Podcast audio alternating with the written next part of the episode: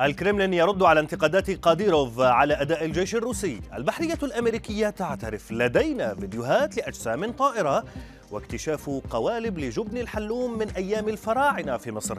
أبرز أخبار الساعة الأربع والعشرين الماضية في دقيقتين على العربية بودكاست.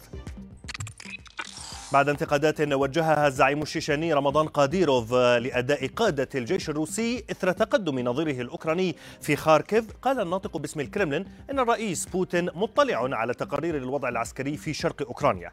الكرملين شدد في تصريحاته أيضا على أن العملية الروسية في الأراضي الأوكرانية ستستمر حتى تحقيق الأهداف المحددة منذ البداية. فيما كانت صحيفة الجارديان نقلت عن قاديروف قوله إن بوتين قد لا يكون على علم بوضع قواته في الميدان قائلا حينها إنه سيضطر للاتصال به إذا لم يتم تدارك أخطاء الجيش الروسي. في اعترافات اعتبرها الكثيرون صادمة كشف متحدث باسم البحرية الأمريكية أن البحرية لديها المزيد من مقاطع الفيديو للأجسام الطائرة المجهولة.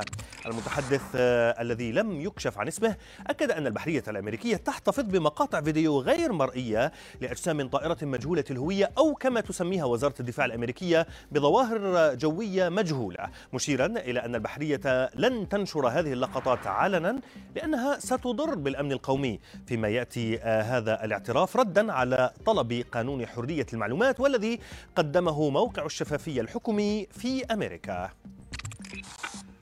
إلى مصر هذه المرة حيث عثرت البعثة الأثرية على مجموعة من الأواني الفخارية التي تتزين بكتابات باللغة المصرية القديمة وتعطي لمحة عما كان عليه النظام الغذائي للمصريين القدماء.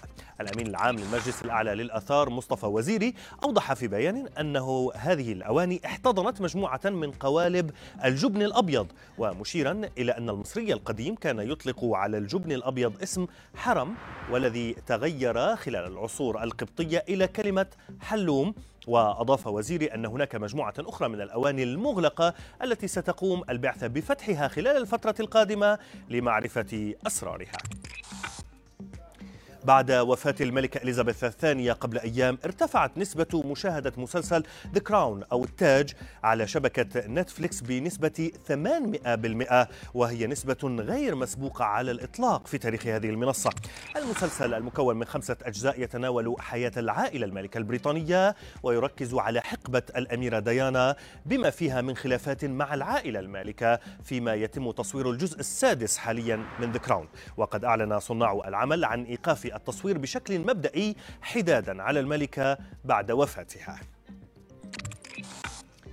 وفي خبرنا الأخير أفادت صحيفة وول ستريت جورنال بأن الحكومة الهولندية أطلقت حملة لتقليص مدة الاستحمام لخمس دقائق فقط بهدف توفير الطاقة. وفيما تشير التقارير إلى أن معدل الاستحمام في هذا البلد الأوروبي يصل إلى تسع دقائق أعلنت السلطات عن توزيع جهاز توقيت رملي. مدته خمسة دقائق لتشجيع الناس على أن يستحموا بهذه المدة فقط لتحفيزهم على توفير المياه الساخنة وتجنب ارتفاع قيمة فواتير الكهرباء إضافة إلى المساعدة في الحفاظ على احتياطيات الطاقة بعد قطع روسيا لإمدادات الغاز عن أوروبا.